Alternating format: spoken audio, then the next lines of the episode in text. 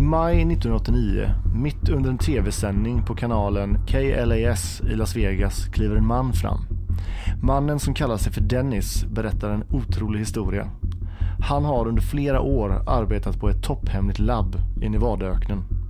Hans jobb har varit att omvända utomjordisk teknik.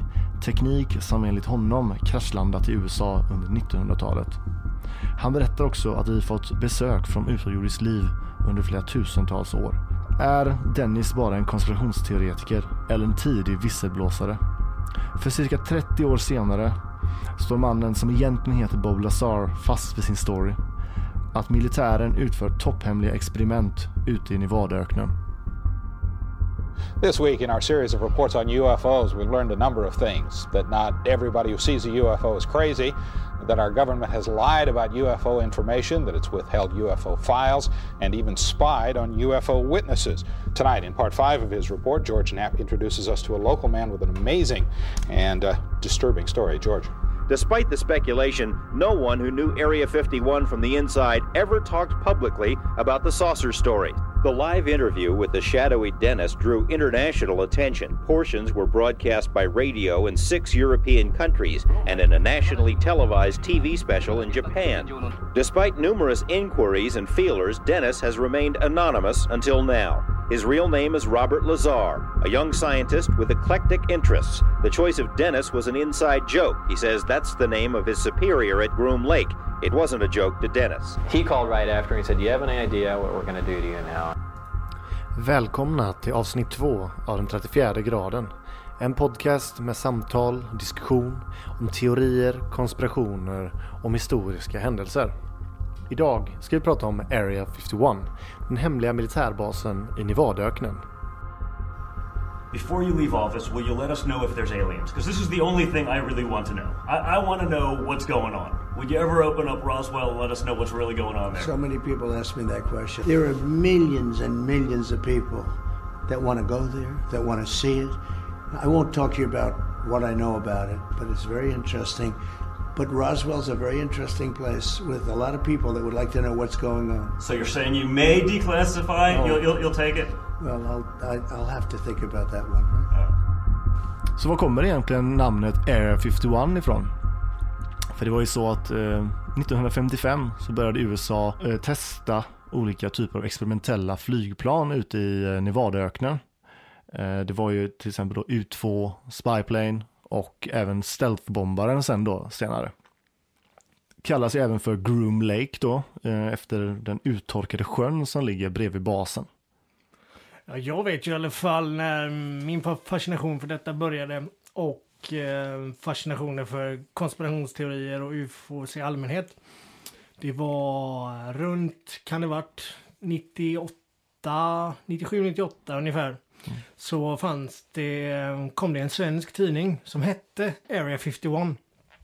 Och eh, jag tror bara det kom ett nummer.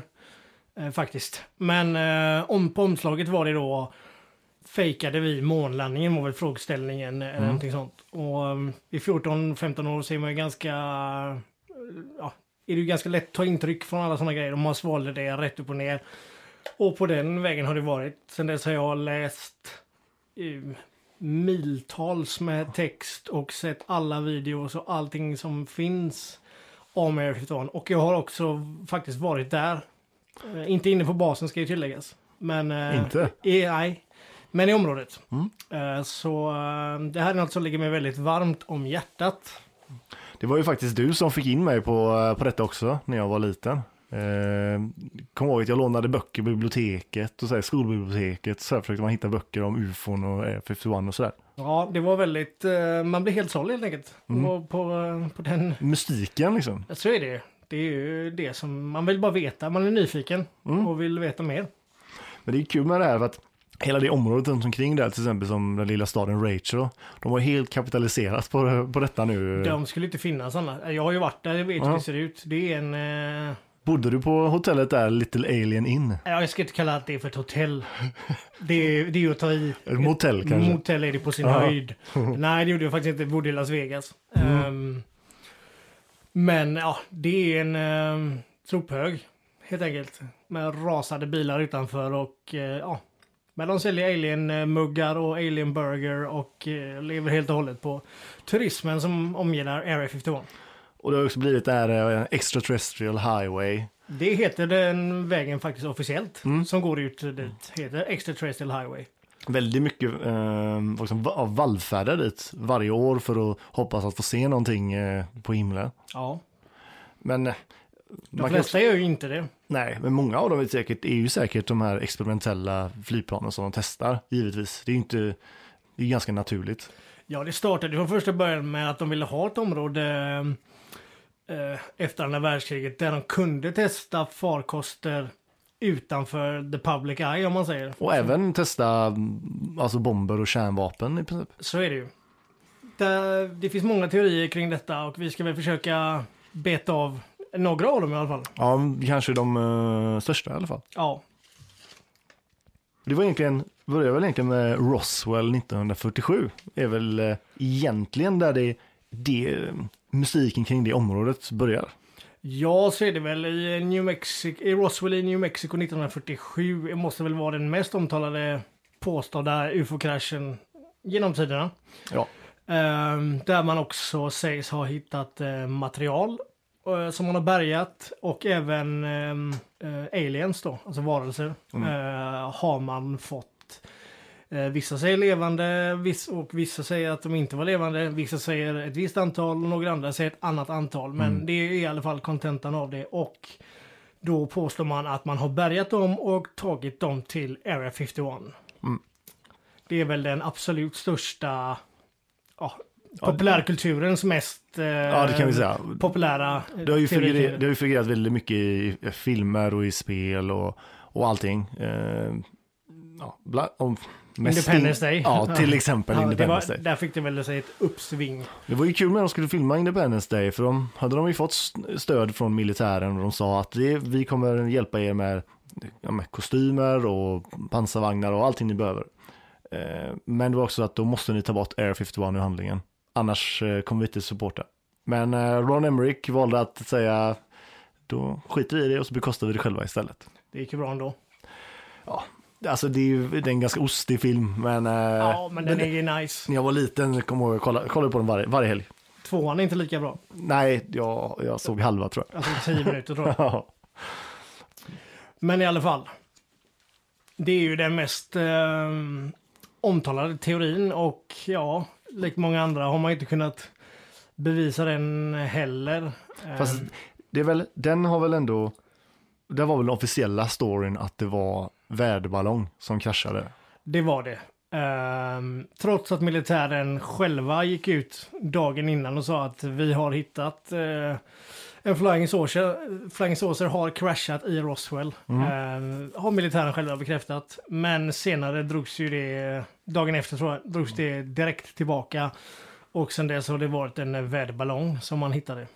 Eh, och det är extremt omtalat. Ehm, Men det var ju intressant med att det var ju en kvinna som var där ute i öknen som när militären hittade henne så var hon helt, eh, hon var ju helt galen och, och var jätte, jätterädd. Hon menade på att hon hade sett någonting ute i öknen och virrat omkring sen dess. Så när de här männen kom dit i skyddsdräkter så tyckte hon att, att det påminner henne om vad hon hade sett vid kraschen. det känns ju konstigt att ha skyddsdräkter för en väderballong. Ja, jag vet inte riktigt vad ballonger är byggda av, men jag tror inte det, du behöver inte strålningsdräkter för det. Så är det ju. Och eh, även många som bodde i området vid tillfället eh, diskuteras. Det ligger ju en flygbas alldeles eh, i närheten utav den här kraschen. Det var bland annat där man testade de första atombomberna. Eh, det är folk som är vana vid att se eh, flygplan och experiment på himlen och eh, man sköt även upp väldigt mycket väderballonger från den här basen i, i området. Eh, och de säger bara det här var ingen väderballong. Det här det har de sett så många gånger innan. Och det kunde de enkelt säga att nej, nej, nej. De har fel. Men det är den officiella förklaringen i alla Ja, och det känns som att vi får ändå gå igenom den också lite grann. eh, För det, men efter åren har gått så har det ju varit väldigt många väderballonger som har eh, kraschat, verkar det som. Ja, att de inte kan bygga dem bättre vid, vid det här laget är ju Mm. konstigt. Flares är också någonting som ofta eh, man viftar bort. Flares. Ja. eh, Ja, alltså sådana militär-flares. Vad ska man kalla det på svenska? Ja, sådana Som som man, tänd, man tänder eld på liksom. Alltså, Ja, röda som är på himlen ja, liksom. nästan som en nödraket är det väl. Ja, Ja. just det. Ehm, det är också en förklaring till många UFO-sightings. Sen är det intressant med att den erkändes ju inte officiellt som militärbas förrän in på 2000-talet av CIA. Då nämns det i officiella dokument, Area 51. Ja, jag tror det är väl 2013 tror jag.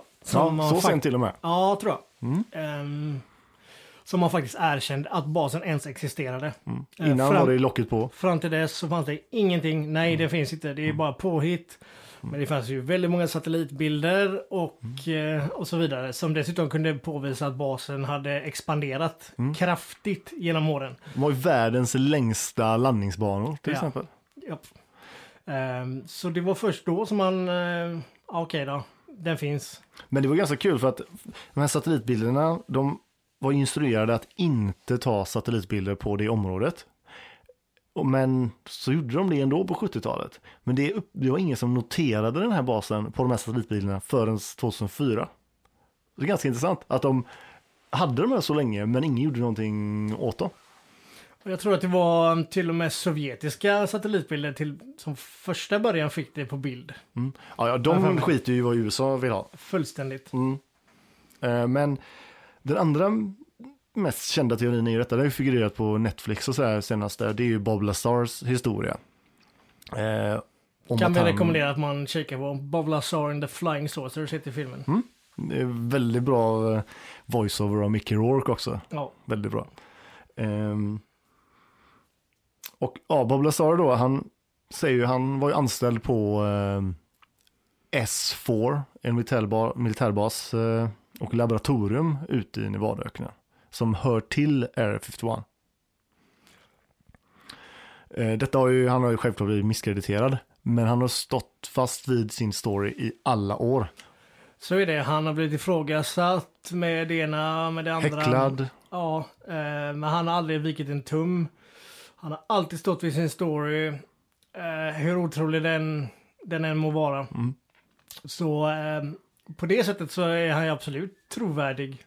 För många sådana som hittar på historier om liknande händelser, deras historier förändras under åren för de kan inte stå fast vid det. De kommer inte ihåg vad de har sagt eller inte, men han har alltid varit koncis i sin historia. Eh, och det, för mig ger det i alla fall eh, en trovärdighet.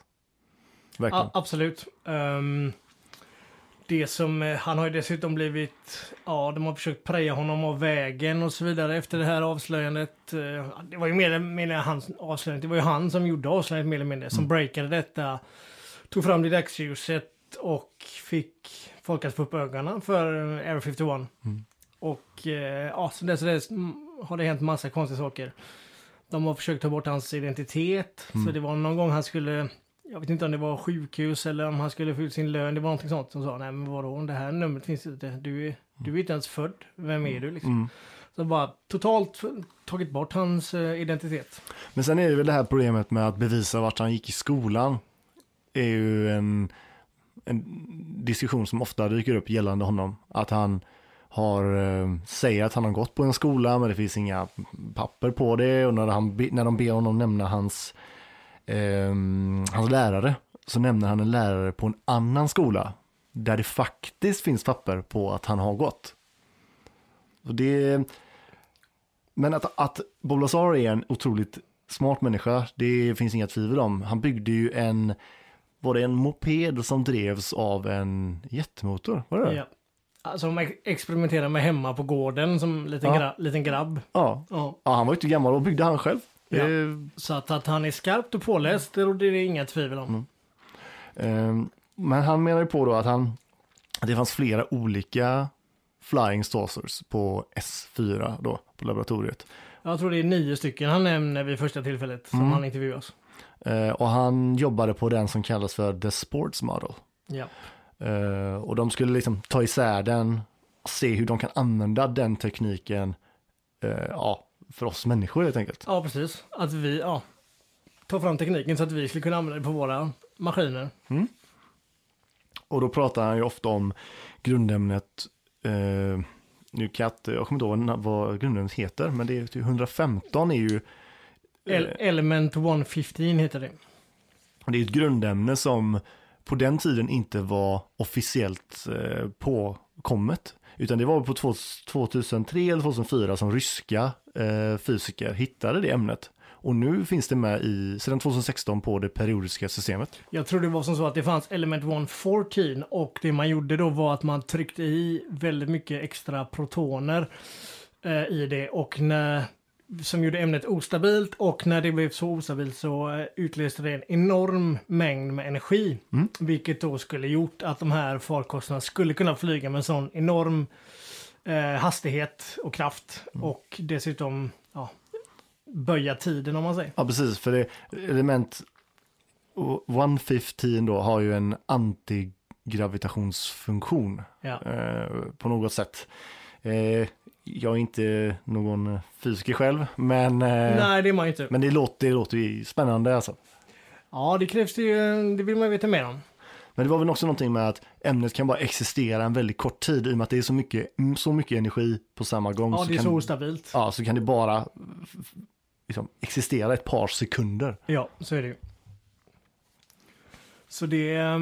Men också om man tänker om det skulle ligga mycket sanning i det han säger så är det väl självklart att myndigheterna skulle göra allt för att misskreditera honom också. Genom att försöka ta bort papper från skolgång, ehm, bluffa med hans identitet och så vidare. Det Ja. är ju inte alls konstigt. Nej, nej, alltså, Egentligen. nej men att de, att, kanske, att de vill göra, alltså misskreditera honom för att få honom att framstå som en galning och Ja, det är ju ett ganska känt, eh, det är inte första gången det görs, eller sista. Nej, det är väl enda, enda grejen de kan göra. För att... ehm, ja,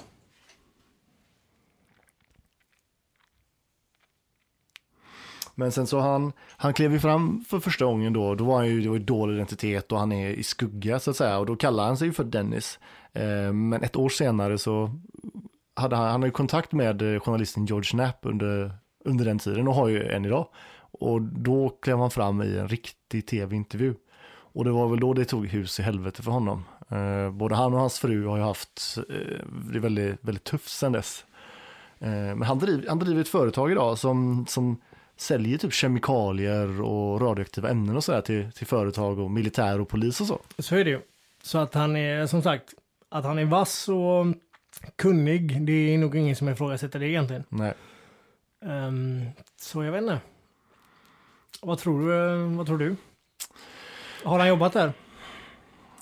Jag vill tro att han har jobbat där. Ja, som fan vad man vill. ja. Verkligen. Eh, men jag ska liksom, jag skulle vilja se, jag önskar att han hade haft lite foton eller så. Nu har vi bara hans ritningar av den här The Sports Model. Eh, men jag skulle önska att det fanns eh, foton, videos och sådär. Och, men eh, jag önskar att de skulle stormat den där för ett par år sedan. Ja, ja det var vi förra året. Ja, Ja. precis. Yes. När det var hundratusentals som skrev på Facebook. Det var två miljoner. två miljoner till och Två med. miljoner attending på The Can't Stop Us All. var ju ett Facebook-event där man skulle eh, ja, raida Area 51 helt enkelt. Men, springa eh, rätt igenom och Men kommer du ihåg hur många som dök upp? det var exakt noll som var vid gaten vid Area 51. Eh, ska jag ju tillägga då, eller det är ju väldigt intressant för just säkerheten och bevakningen kring Area 51 är ja, helt fruktansvärd verkligen. Du har um, gömt i marken en massa mottagare och sändare som gör att de kan mäta all aktivitet som är i området. Ställer du dig bara, om du bara är i närheten och du andas eller du har med dig någon form av elektronisk utrustning. Den mäter allt. Det finns ingenting som de missar. Du har de kända camo dudesen som vakterna heter som står vid, vid alla gränserna in till basen. Alla, alla grusvägar in. Allt, överallt. Du kommer inte in eh, någonstans. Och eh, nu har de nog tagit bort den skylten men innan så var det eh, Use of Deadly Force Authorized. Såg du bara. Så Ja, det är klassi ett, klassisk skylt. ett steg innanför och så har de ja, rätt att döda dig helt enkelt. Det skulle de kanske inte göra, men In, nej, det beror väl på vilken eh, sorts av anstormning man gör. Om jag skulle sätta en fot över? Nej, antagligen inte. Men den Det var också jag lite feg när jag själv var där, så jag satte inte en fot över. Men Det var fegt av det. det var det. Men den är också, sen är det också, det är inte bara landmassan som är, eh, vad ska man säga, väldigt topphemligt, utan även luftrummet över. Ja, Inte ens militärplan får flyga över. Utan så är det. vet du vilka som enda planen som får flyga över? Ja, det vet jag. Ja, Det är de som heter Janet Airlines. ja precis. Mm. De, De som... som- flyger, mm, de som jobbar där fram och tillbaka. De Varje har, dag. och det är de här, eh, ja, de kallar sig för Janet Airlines och de har en egen terminal på Las Vegas International Airport. Mm. McCarran, Mm. som det heter. Ja, så kanske det heter. Ja, Mm. de har en egen eh, terminal där. Mm. Och eh, det finns ju några sviter på ett hotell i Las Vegas. Jag kommer inte ihåg vilket det är nu. Där man kan se in på terminalen. Mm. Just det. Och eh, det här har jag sett i en dokumentär. Då, Ta, det är en gubbe som tar in på Yes. det rummet. ja, men de checkar in i en sån, en av dem. Där har de räknat ut då vilken är man kan se. Tar numret på de här eh, flygplanen för att kolla upp ehm, vem det är som äger dem. Via FAA är det väl, gissar jag. Ja, antagligen. Eh, och då eh, står de registrerade på amerikanska regeringen. Men det som är ganska intressant är att de här personerna som går på, eh, går på de här planen, det är ju inga personer klädda i kostym eller eh, på något sätt så här uppseendeväckande utan det är ju de klädda i vanliga civila Ja, det är kläder. vanliga knegare. Alltså så. Det krävs ju massa olika personal på en, på en sån bas givetvis. Mm. Så det är väl ett par tusen gissningsvis som jobbar där. Ja, det är ju inte otroligt om du behöver flyga med liksom, stora jetplan för att Nej, ta det är, folk. och det är flera flighter om dagen. Mm. Eh, Du, kan ju lika, du kan ju också köra dit från Las Vegas och det gör de också. De har ju bussar som fraktar in eh, anställda och Så är det. Och ehm, just namnet Dreamland kommer ju från eh, flygplanen. För det är det de anropar när de flyger in i basen. Mm. Dreamland, this is Janet approaching. Är en sån Åh, klassisk. det visste jag inte faktiskt. Nej, så är det. Så, ehm, så är det. Jag såg ju, som jag skrev till dig igår, av en händelse så hade jag på Ace Ventura 2. Mm. Och där i, bör- i början så flyger de i ett eh, flygplan. Och den är exakt, ser exakt likadant ut som ett av uh, Janet-flygplanen. Men att- bara, de har bara en röd stripe på sidan. Ja, precis. De är helt omarkerade. det finns ingen text, det finns liksom ingenting så som du kan se med blotta ögat. Mm. Uh, la jag märke till det. Det ska jag kolla upp lite eh, mer kring, för det känns ju som att någon mer måste ha snappat upp det. Mm. Men det kan, det, kan ju vara, vara, det kan ju vara slumpmässigt att de inte ville göra reklam för något flygbolag typ. Det kan det ju vara, men ringer de till dem då, du skulle kunna låna ett av era plan som ni flyger med. Det vore ju, Ja. det vore ju också ganska osannolikt. Det är i och för sig sant. Men ehm, ja, så det, säkerheten kring basen är alltså helt enorm. ehm, Jag har sett videos på YouTube där det, där det är några som de på skoj ska testa att flyga nära och då får de direkt ett anrop från basen typ att eh, ange ditt, eh, ditt syfte eller vänd om eller så får vi eskortera dig ja. till, eh, tillbaka till Las Vegas Airport. Ja. ja, men det har ju funnits massa dokumentärer där de bara har varit nära området med och gått ut med, med en bil och ställt sig där. Det kommer strids eh, jaktplan direkt. Mm. Pang säger det Och och så är det, yes, så är de där. Och de bara markerar att eh, vi vet att ni är här. Det är Mm. ingen idé att ni filmar liksom. Och det, men det gör ju de camo dudes med. Så fort du kommer dit så står du still en stund och ja, fotar lite och agerar turist. Då över, över kullen så rullar det över en jeep med två gubbar i som Ja, de står tittar. där oftast redan direkt när du kommer. Det är mer att de rör på sig. De typ tänder lampan eller backar eller kör och sådär. Så att du ska se att, Vi har koll på dig. Ja, det är precis. liksom ingen idé Exakt. Du, ja. Så eh, det är väldigt fräckt. Och det bidrar ju självklart till hela den här mystiken kring basen. ja, amerikanska militären är väldigt duktiga på, de hjälper ju alla de här, eh, vad ska man säga, vi säger konspirationsteorier, de hjälper ju dem att, det De frodas ju mer. Det blir ju mycket coolare liksom. ja, de lägger, tänder elden så att säga. Jag har ju själv varit där. Ja. Så att ehm, jag kan ju ta och berätta det. Ja, berätta. Vi var i Las Vegas ehm, två veckor. Kan det ha varit 2005 kanske? 2004? Ja, det kan ha varit året efter med. Ehm, och då kunde man ju åka till Area 51 som en turistgrej, vilket man ju självklart uh, nappar på direkt. Eh, och det tar ju kanske en 4-5 timmar en väg. Fyra i alla fall tar det ju. Ehm, och det är riktig öken. Det är så tyst där ute att om du går ut ur bilen så slår det nästan lock för öronen för att det är så tyst. Det är en väldigt, väldigt konstig känsla. Och eh, detta var en guidad eh, tur då som vi tog med en, um, lokal snubbe där. Ehm, så att vi åkte ju till Rachel, till det klassiska stället, käkade en alien burger och tog en öl. Uh, var ingen vidare käk direkt. Nej, Jag kan, jag kan, det- gissa, det är jag kan, inte- kan gissa det. det är inte därför folk åker dit, så kan man ju säga. Och ehm, ja, sen åkte vi fram till de här kända skyltarna då och då vid det tillfället så stod det, har jag för mig, fortfarande Use of Deadly Force Authorized. Eh, Det har de tagit bort nu.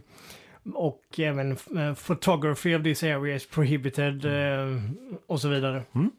Men den var man ju snabbt framme med kameran och det, den kunde man ju skita i liksom. Ehm, ja, vi stod ju där och ehm, fotade och han berättade och vi kollade på de här camo dudesen som stod där givetvis. Och ehm, så ska vi sticka därifrån. Vi åker därifrån eh, kanske ett par hundra meter max. När det säger pang bara. Och vi får punktering. Bara en liten, liten bit från gränsen till basen. Och det var lägligt. Ja. Ja, s- ja, rätt ute i öknen liksom. Och ja, det är bara att hoppas att den gubben har med sig ett reservdäck tänkte man ju. Det hade han ju, det var tur. Ehm, så ehm, vi hoppade ut där. Han ska byta däck. Och eh, det tar bara några sekunder innan vi ser ett rökmoln. Ehm, då kommer ju en av de här vaktbilarna då åkandes efteråt. För har ju de ser ju det i sina eh, mätningsinstrument. Ja, för de har ju de- sensorer som mäter att om du stannar någonstans så ser de att okej, nu har du inte passerat nästa sensor. Nej, så Precis. varför stannar du där liksom? Mm. Vad håller du på med? Så de kom ju direkt och eh, ställde sig och hoppade ut en bit ifrån eh, när han stod och bytte däck. Och då var det ett pressat läge.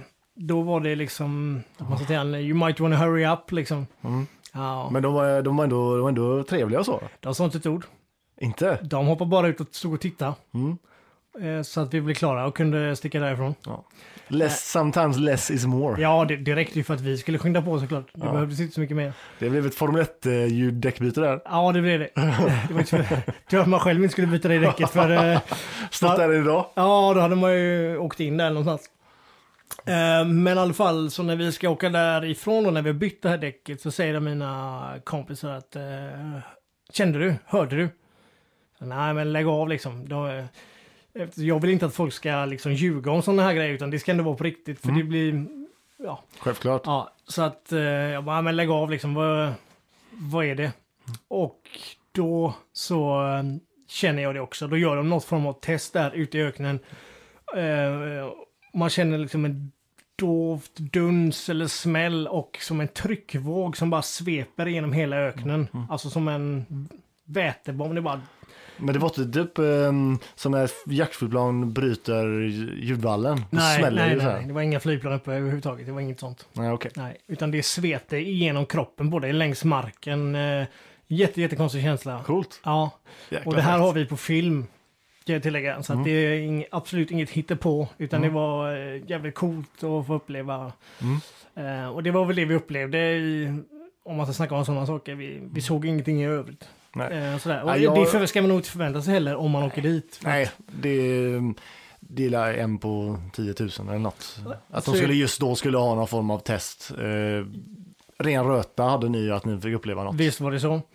Men eh, det finns ju ett ställe man kan åka till och fortfarande se in över basen som heter Tikabo Peak. Nej, det har de faktiskt stängt igen. Alltså, Amerikanska militären har, vad som har gjort nu då? ja, det är bara ett par år sedan. Eh, då, så de har stängt av, innan kunde man vara ännu närmare. Ja, Men sen så var det, då var Tikebo Peak den sista. Men nu kan du inte längre ens gå dit. nej. Så nu måste För du där- ha där lång... man- Där var det ju, ehm, ja, där kunde man gå upp en bit på eh, och se in över basen. Eh, inte för att du såg någon aktivitet, men det var så absolut så nära du kunde komma. Och och då det var det krävdes- fyra mil behövde du en eh, kikare. Ja, precis. Så att det, ehm, det gjorde de på UFO Hunters, var ju den första på History Channel som kunde sända i HD-material därifrån, från Tikabo Peak. Då kan man se liksom eh, basen i sin helhet. Eh, men den mesta aktiviteten på F14 sker ju under mark. Alltså, i, ja, men det säger ju Bob med. Han Ja. säger det att, att laboratoriet ligger ju i berget. Ja. Tanken är att du ska inte se att det är ett labb. Nej. Och det är ju Så- ganska naturligt. Ja, det är klart att det är så. Så att, eh, men de har ju byggt lite nya hangarer och sånt där. Men, eh, och det kan man ju se, men som sagt, det mesta sker ju under mark. Av en förklarlig anledning. Så att eh, man kunde ändå inte se något, men det var... Ja, ja det var tråkigt att höra. För det är ett ja, drömresemål. Mm.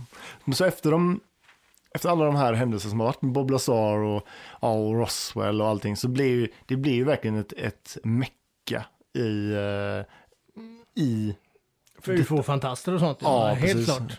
Och, men du kanske ska berätta någonting, den här vita brevlådan som står där.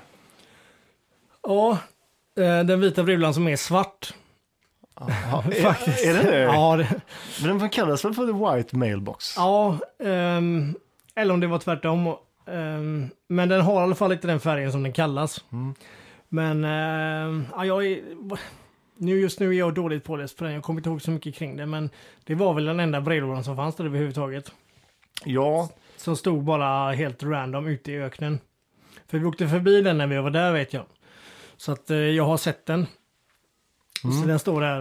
ehm, nu är jag att fuska lite här då på eh, och ehm, eh, googla. Då är det ja, the black mailbox i Nevada. ja, så är det. Myster- Som är, som är vit då. Ja, ja precis. Ja, Ja. Det ja precis. Ja. Eh, mysterious meeting place for UFO hunters near area 51. Det- Och den, ja, den står ju ut med den här extraterrestrial highway då, Mm. som vi nämnde tidigare. Ja, den står väldigt konstigt.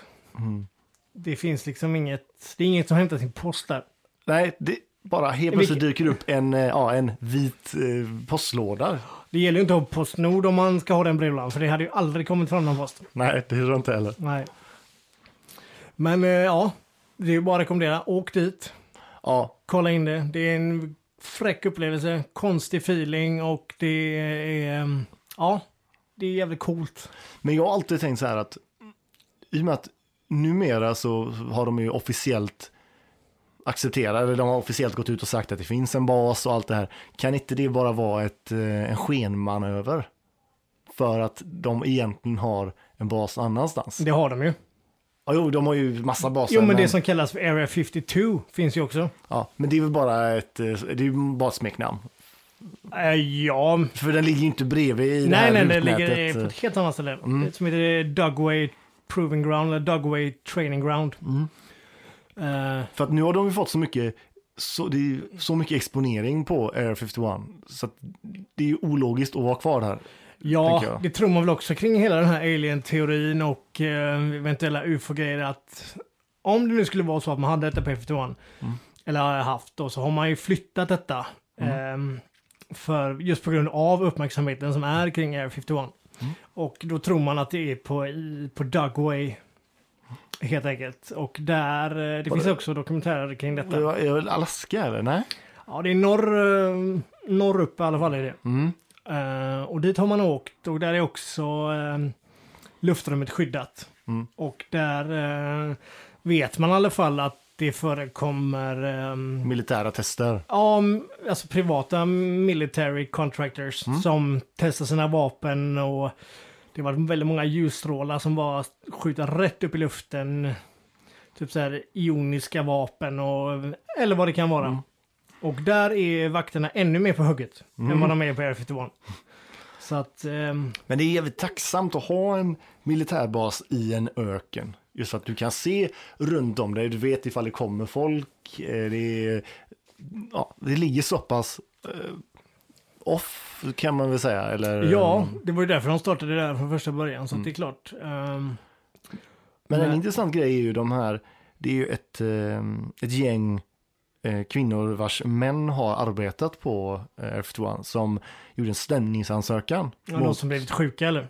Ja, precis. De har blivit sjuka av strålning, Mm. eh, för, ja, med cancer och så vidare. Av strålning de har, som de har, av experimenten de har jobbat med. Eh, men det blir ju också, det blir ganska nedsnackat och eh, nedlagt ganska fort. Ja, men de hade ju ingen bas där. Nej, precis. Så hur ska de kunna bli skadade där? Mm. Och det var väl någon som skyllde på att, nej men vi har eldat upp eh, gummidäck där ute i öknen, det är därför. Ja, Ja, visst. Det, det tror jag på när jag ser det. Ja, ja det låter ju ganska, väldigt dålig för, bortförklaring. Faktiskt. Så att, ja, precis. Men eh, på ett sätt, det är inte så konstigt om de har testat kärnvapen ute i öknen, att det skulle vara strålning. Det är ju Det är naturligt. fullt naturligt. Ja. Men att åka hela den biten ända ut i öknen för att bränna däck. Jaha. Vem har det jobbet? Ja, det är väldigt dåligt bara. Ja, men någonting måste de ju säga. Men eh, eh, Donald Trump, han eh, sa ju här eh, när han blev president att eh, jag vet vad, jag har läst lite grann vad som försiggår. Jag är inte riktigt redo att säga det nu. Eh, eh, det finns mycket man kan säga om Donald Trump, men eh, jag hoppas att han eh, öppnar käften gällande den delen snart. Man kan hoppas. Det beror lite grann på vad han ska göra sen kanske och vad det faktiskt är som de gömmer. Men de har ju en black budget i USA. Militärbudget, ja. ja, en black budget som, som det kallas. Med ganska många miljarder dollar varje år går till grejer som de inte behöver redovisa. Men också sånt som det kanske inte blir någonting av. Eh, Ja, ja, de, de testar ju grejer så att, mm, ja, visst är det så. Bill Clinton var ju på en talkshow också, eh, bara för några år sedan nu. Och eh, då sa han ju det att, nej, jag har läst dokument, men jag tror inte att det är något skumt som försiggår.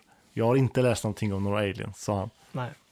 Det var ju Och han, han, han är, Bill Clinton är ju en av presidenterna som har varit väldigt fascinerad av Roswell-kraschen eller fenomenet. ja men det har han varit öppen med. Ja, helt klart. Så um, är det Jimmy Kimmel han är hos eller? Som säger, eh, Ja, um, han säger typ If I were president I would I, wouldn't even, wouldn't even finish the oath. I will run to the White House and I would demand to see all the classified files on the UFOs. Någonting Ja. sånt där är det. Och så säger han, did you do that? Well, sort of. ja just det, så var det. ja. Eh, men eh, de, även de am- amerikanska presidenterna har förstått att detta står ovanför dem. De har ingen makt över detta. De Nej. kan inte få ut all den informationen som, som finns där. Nej, de, de till och med de är ju på need on a no basis. De behöver ju inte veta det. Nej, och de vore ju väldigt enkla targets om det var så att de visste det.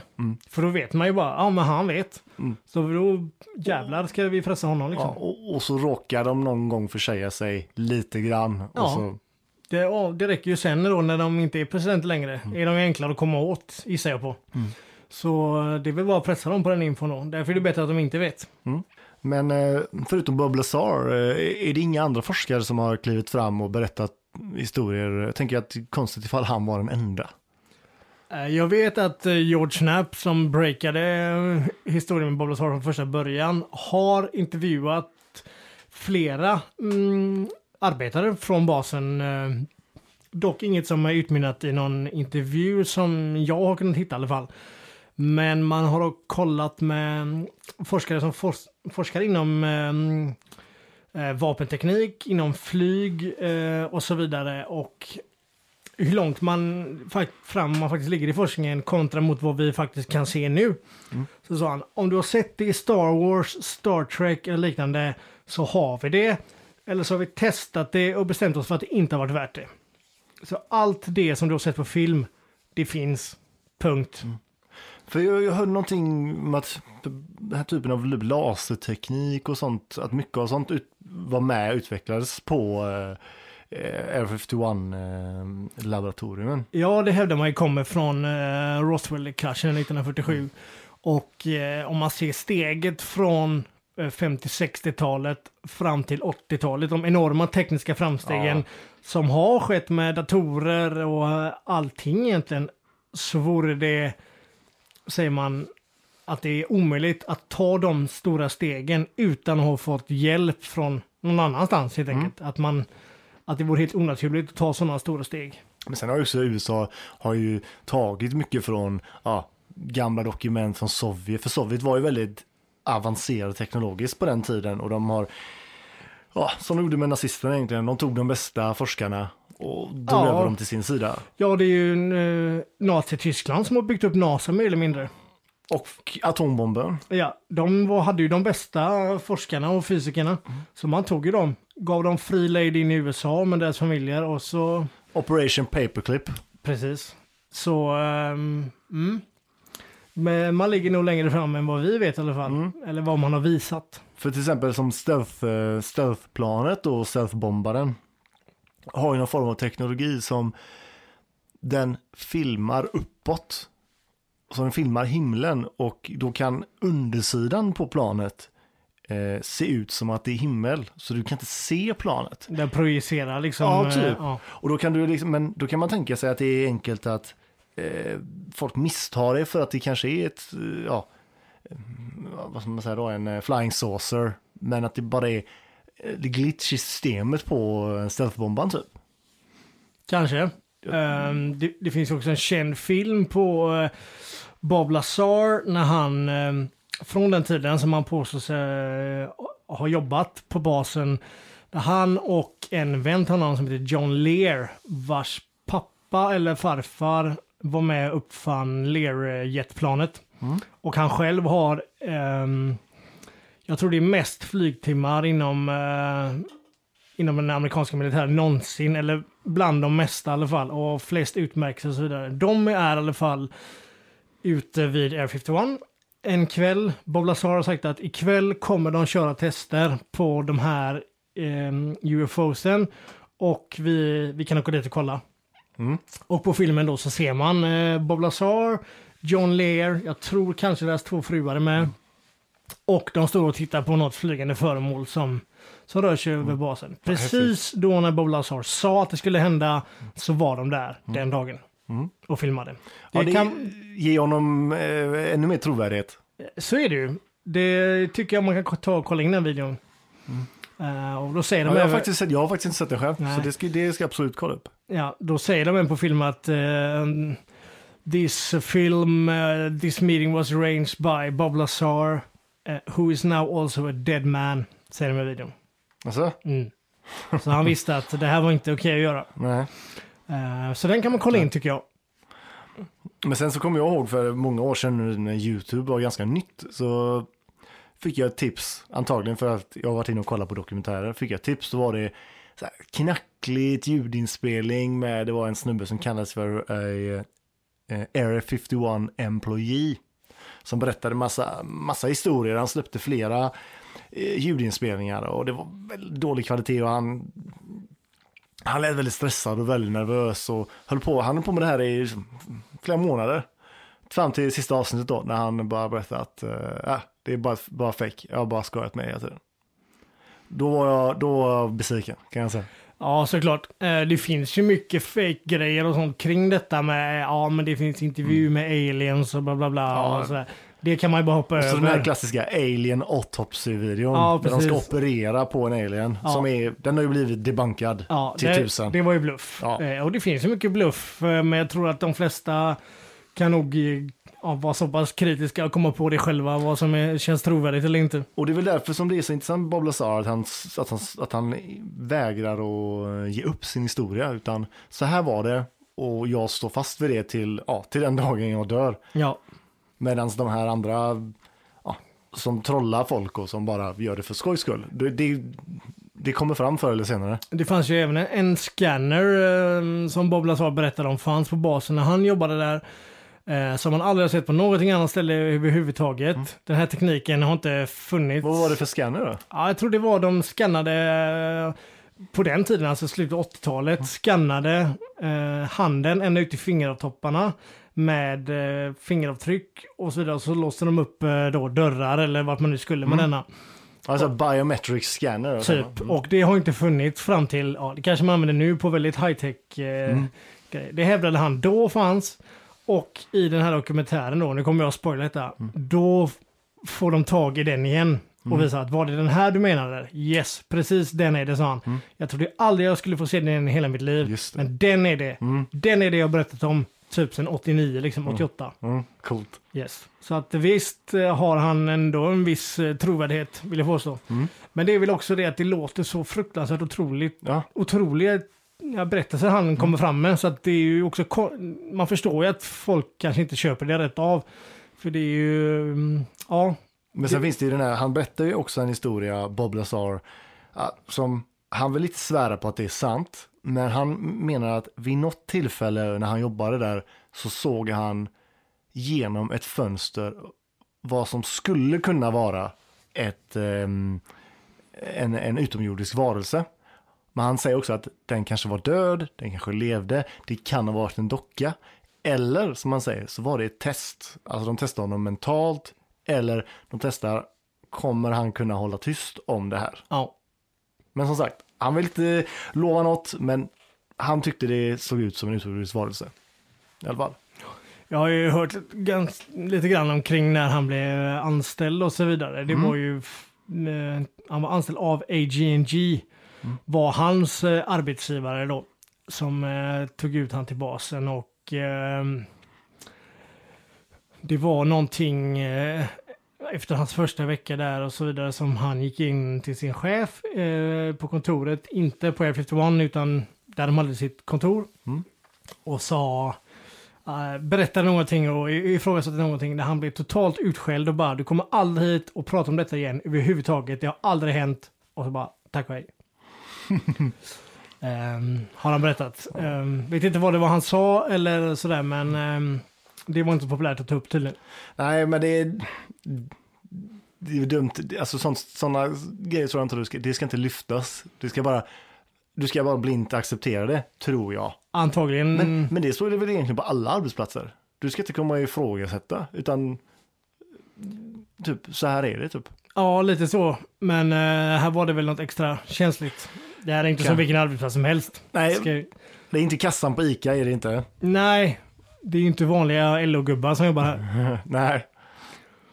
Men sen har, det var ju då han fick, han fick ju reda på det rätt tidigt att, att jorden har haft utomjordiska besök i tusentals år. Precis. Och eh, ja, de byggde inga, de kanske inte byggde pyramiderna, men de har i alla fall varit här, så att säga. Mm. Ja, vem är jag att säga något annat? Alltså, jag kan ju inte säga bevisa varken åt det ena eller andra hållet. Men vi är ju nyfikna. Ja, jag vill ju bara veta. Ja, Säg till mig hur det var. fast det är också, om du fick, red, om du fick eh, en biljett, känna, vill du eh, besöka Air 51, komma in på laboratoriet och sånt. Skulle du verkligen vilja ta det? För då är ju, då är ju hemligheterna avslöjade sen. Menar att jag inte kan hålla käft eller? Nej, det, nej, det tror jag inte Det var, var ett påhopp. Men, då, är, men då, då vet du ju sen. Ja. Och då kan du längre inte spekulera om det och det är spekulationerna som är det roliga. Ja, det är det väl delvis, fast det ultimata målet. Ja, men jag hade kunnat vilja veta hälften då. För jag brukar tänka så här att om, om, om jag var Will Smith i I am Legend och jag var den sista kvar. Jag hade ju åkt till Area 51 med en gång. Ja, det är det första stället. Ja. Ja, Och bara, okej nu ska vi se. Vad var det som egentligen hände här nere? ja så är det. Ja, men ge mig hälften då. Så har Ja. jag lite att göra på kvällarna också sen. Ja. Med att reda ut vad, det är, vad resten är. Ja, du menar att du, då kan du ligga vaken sen resten av nätterna i kommande året? Och undrar varför jag inte tog den andra hälften. Ja, precis. Ja, så kan det vara. Men eh, ja, anledningen till varför det är så intressant är ju, det är bara för att man inte vet. Man Mm. är nyfiken. ja, och Det är ju någonting där inne som är värt att försvara i alla fall till vilket pris som helst. Och Så som man det. kan lägga tusentals miljarder på Ja. att, be, att försvara. ja, så, det är ju fakta i alla fall. Att, ja, så, så någonting är det. Mm. Vad är det? För det är ju det är inte så många andra militärbaser som har samma säkerhetsomfång eh, i den bemärkelsen. Inte på så stort, ja, jag tror att många militärbaser är lika säkra, fast det är så stort område som de skyddar. Och, liksom, och luftrum och hit och dit. Ehm, så det är ju det. Ja. Ja, jag vet inte, men det är, som sagt, nu har de även Dugway Training Ground. Ehm, där de också kör samma grej. Ehm, och där kan man se stora eh, sällskap med bilar, du vet en 20-30 bilar som bara försvinner mer eller mindre ner i underjorden under basen, åker in där. Och eh, även där sker allt under jord, naturligt. ja. Ehm, men där har de också då köpt upp eh, luftrummet ovanför. Mm. Så att eh, det äger de. För det är ju en... eh, Hur man nu kan göra det. ja, Ja, men hur, vart går gränsen? Hur högt upp äger de? Alltså, Ja. ja, de äger nog eh, upp till tillräckligt långt. stratosfären. Ja, typ. ja, så är det väl. Eller så långt de kan upptäcka i alla fall. Ja, antagligen. Ni har lyssnat på avsnittet om eh, Air 51 och Bob Lazar eh, på den 34 graden. Eh, vi uppskattar jättemycket alla som ni som har lyssnat och som har kommenterat och så. Det är verkligen jättekul. Och vi ser fram emot att och publicera nästa avsnitt. Som kommer handla om Bilderberggruppen. Spännande. Väldigt spännande. Så in och lyssna på detta. Betygsätt oss gärna, dela, sprid. Eh, så tackar vi för oss så länge. Ja. Hej då! Hej då!